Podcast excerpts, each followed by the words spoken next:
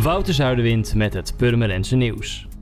Gistermiddag is onder toeziend oog van wethouder Paul van Mekeren de eerste woning uit de proeftuin in Overweren Zuid aangesloten op het warmtenet. De wijk is een van de 27 Nederlandse wijken uit het programma Aardgasvrije Wijken dat een jaar geleden van start is gegaan. De woningen in Purmerend zijn binnen het programma de eerste woningen van particuliere eigenaren die aardgasvrij worden met behulp van een wijkgerichte aanpak. In het programma werken onder andere het ministerie van Binnenlandse en Economische Zaken en de Vereniging van Nederlandse Gemeenten samen om gemeenten en betrokken partijen zo goed mogelijk te ondersteunen om wijken aardgasvrij te maken. De 27 wijken fungeren als proeftuin. De gemeente Purmerend is een van de koplopers in de energietransitie.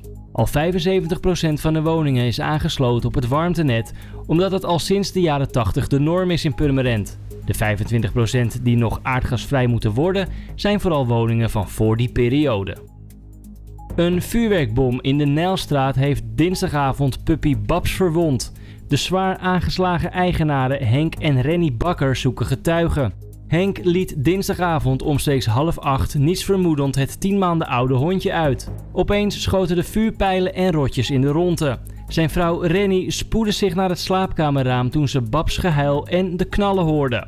Henk en Renny gaan aangifte doen bij de politie en ze roepen iedereen die wat gezien heeft, het liefst inclusief camerabeelden, op zich te melden bij hun dochter Gisella. Dat kan op telefoonnummer 06 51 53 44 78. En dit jaar bestaat het Waterlands Archief 40 jaar. Aan deze mijlpaal zal aanstaande zaterdag aandacht worden besteed tijdens de Jubileum Open Dag.